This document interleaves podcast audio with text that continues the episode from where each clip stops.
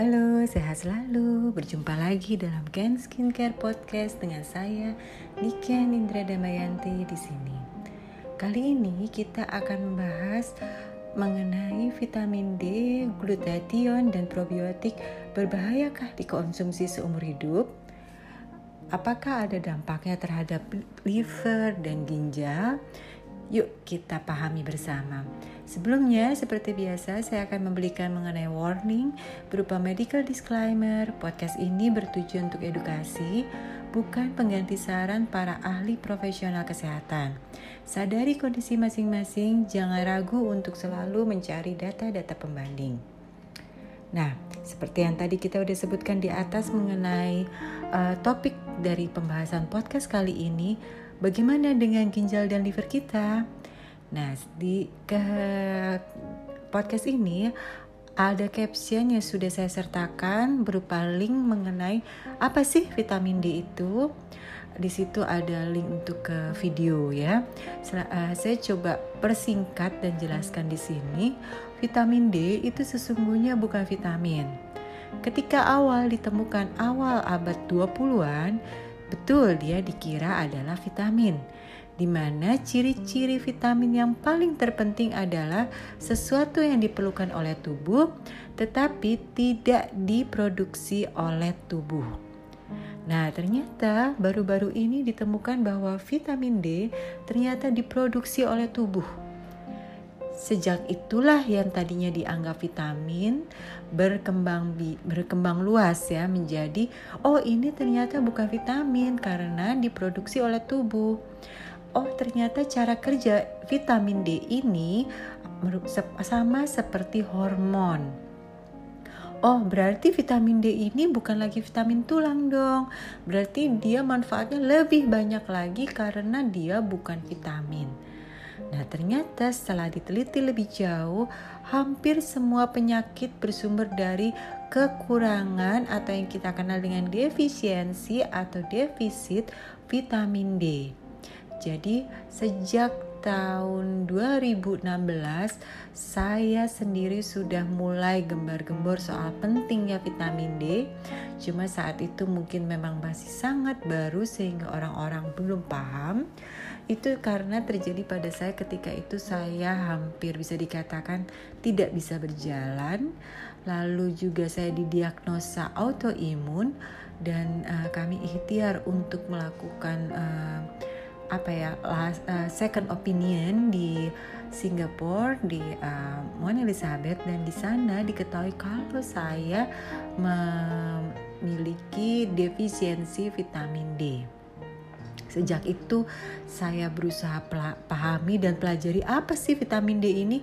Kok cuman vitamin D aja bikin saya penyakit seperti ini? Ternyata vitamin D itu sangat besar manfaatnya terhadap tubuh. Ya. Nah, bagaimana dengan kapan kita mulai perlu vitamin D ini? Uh, di video yang saya juga udah sertakan tadi linknya, mulai dari usia bayi, vitamin D ini sudah diperlukan. Bahkan ada beberapa penelitian penyakit kejiwaan saat remaja biasanya bermula dari kekurangan vitamin D. Penyakit kejiwaan seperti apa? uh, remaja yang apa ya ABG yang suka menentang, yang agak-agak uh, senang kekerasan, agak-agak uh, apa ya uh, menen, uh, bukan menentang tadi saya udah sebut tapi juga yang sulit diatur itu sebetulnya karena kekurangan vitamin D sejak dini. Nah, ini selain vitamin kejiwaan, ada lagi penyakit-penyakit lainnya karena vitamin D ini diperlukan untuk organ-organ tubuh. Jadi, selain uh, kejiwaan, organ tubuh pun mengalami gangguan. Mulai dari otak hingga jantung, mulai dari liver hingga ginjal dan lain-lain.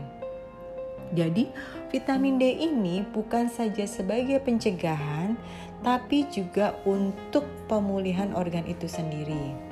Sehingga untuk orang dewasa yang mulai mengidap penyakit, misalnya kayak diabetes, kolesterol, gula darah, uh, tekanan darah tinggi, tekanan darah rendah, kegemukan, kekurusan, itu semua karena kekurangan vitamin D.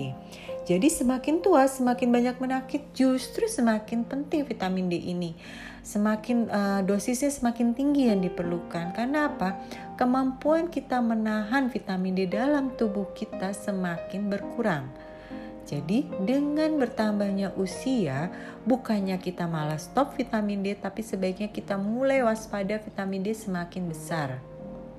Ya, jadi saya juga di sini menyertakan link video yang menjelaskan level vitamin D dia hasil dari uh, hasil lab ya hasil lab, laboratorium dengan penyakit jadi di situ ada uh, misalnya level vitamin D-nya cuma 60 itu itu hanya bisa mencapai untuk melindungi dari penyakit ini, ini, dan ini. Kalau misalnya level vitamin D lebih naik lagi misalnya 80, ini bisa melindungi kita dari penyakit ini, ini, dan ini gitu. Ada ya di video itu. Lalu mengenai glutathione itu sendiri, seperti tadi saya juga sertakan caption berserta link mengenai apakah glutathione itu. Saya akan bahas secara singkat di sini. Glutathione merupakan master antioksidan yang diproduksi oleh liver. Uh, kenapa disebut master? Karena dia sebetulnya mereplenish atau dia merius vitamin C yang kita kenal sebagai antioksidan. Jadi di situlah gluta disebut master antioksidan. Dia juga mereplenish NAC. Jadi uh, kalau mau tahu uh, probio apa uh, antioksidan antioksidan lainnya yaitu misalnya NAC, vitamin C, green tea, resveratrol itu adalah antioksidan dan master antioksidannya adalah glutathione. Sayangnya di Indonesia dia lebih dikenal sebagai pemutih kulit Uh, dan di sini juga saya sertakan linknya mengenai salah kaprah dari glutathione itu sendiri. Kenapa dikira pemutih padahal sebenarnya bukan pemutih ya. Padahal di negara lain sejak mulai uh, wabah COVID ini menjadi komoditas rebutan. Jadi harga glutathione itu meningkat naik pesat karena menjadi rebutan karena sifat dia yang master antioksidan ini. Jadi bisa mening mampu meningkatkan uh, imunitas tubuh. Nah, tadi sudah disebutkan kalau glutathione ini diproduksi di liver. Sehingga kita ketahui bersama tugas liver adalah untuk memfilter hormon, memfilter racun, memfilter kolesterol baik dan jahat. Dan hasil buangannya adalah kalau misalnya terlalu banyak racunnya akan terbentuk menjadi batu empedu dan batu ginjal. Nah, kalau kita kekurangan glutathione, akibatnya apa? Kita tidak mampu memfilter yang tadi saya sebutkan. Mengakibatkannya tubuh kita mengalami yang disebut dengan imbalance hormon, kolesterol jahat, apalagi cancer. Bagaimana nih bisa nyampe seperti ini? Nah, kita ketahui tubuh kita ini terdiri dari sel dan mikrobiome. Sel tubuh kita itu sepertiga dari tubuh kita Lalu dua per 3 nya lagi apa? Mikrobiome. Jadi harus diingat ya, sel tubuh hanya 1 per 3, 2 per 3 sisanya adalah mikrobiome. Nah, glutathione ini melindungi si sel. Karena setiap hari sel kita tuh mendapat serangan radikal bebas.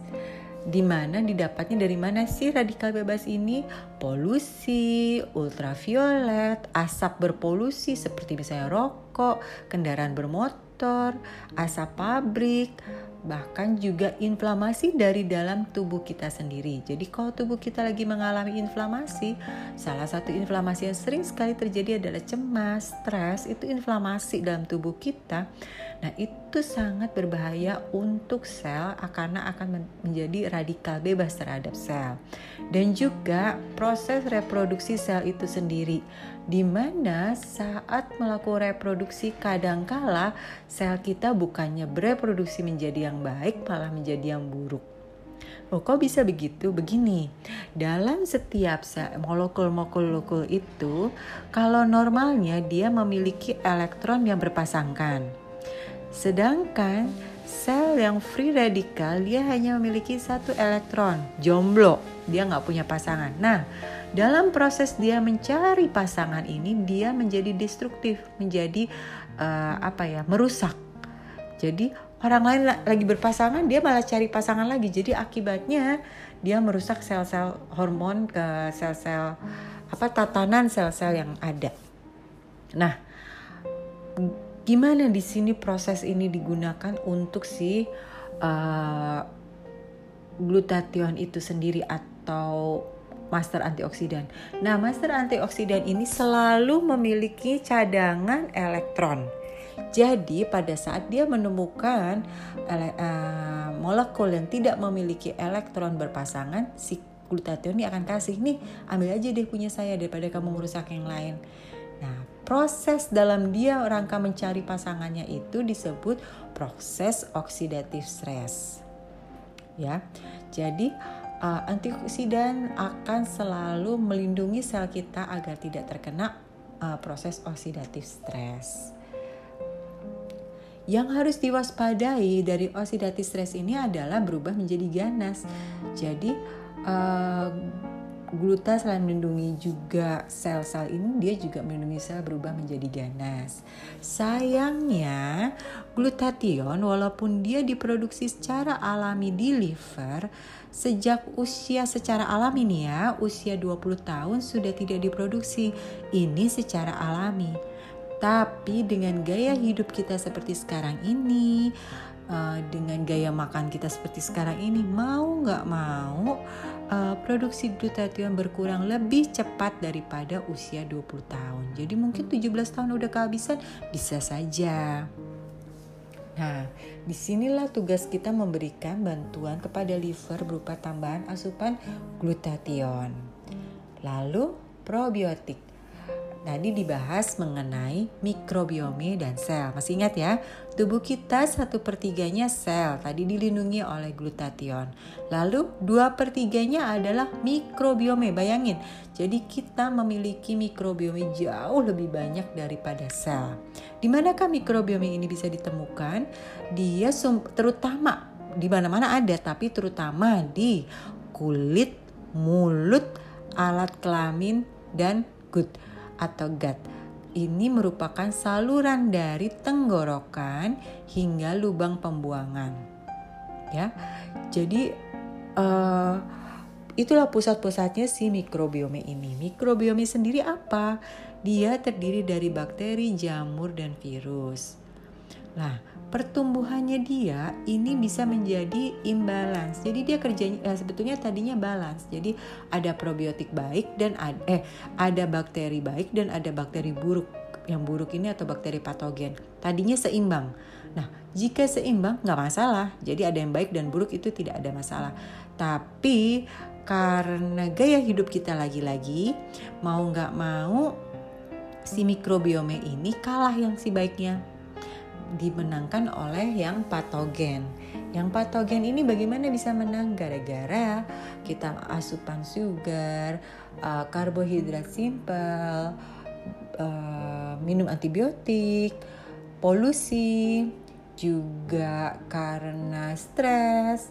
Jadi itu semua juga merusak tatanan dari mikrobiome kita sendiri sehingga patogen hidup subur dalam tubuh kita. Nah, apa sih gunanya probiotik? Probiotik memberikan tambahan bakteri baik sehingga mampu melawan para patogen ini. Jadi, uh, kalau ada pertanyaan sampai kapan kita memerlukan vitamin D, glutathione, dan probiotik, jawaban saya simple. Sampai kita tidak memiliki lagi sel, tidak memiliki lagi organ tubuh, tidak memiliki lagi mikrobiome yang harus diperkuat terus-menerus, boleh kita stop memproduksi tiga uh, stop mengkonsumsi tiga suplemen ini ya.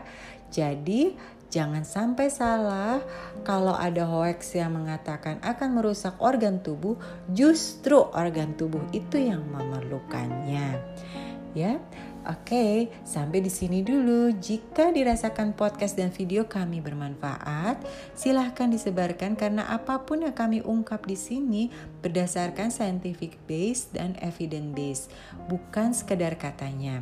Sekian dulu ya. Terima kasih sudah berkenan mendengarkan. Sampai bertemu lagi di Ken Skincare Podcast selanjutnya. Salam sehat.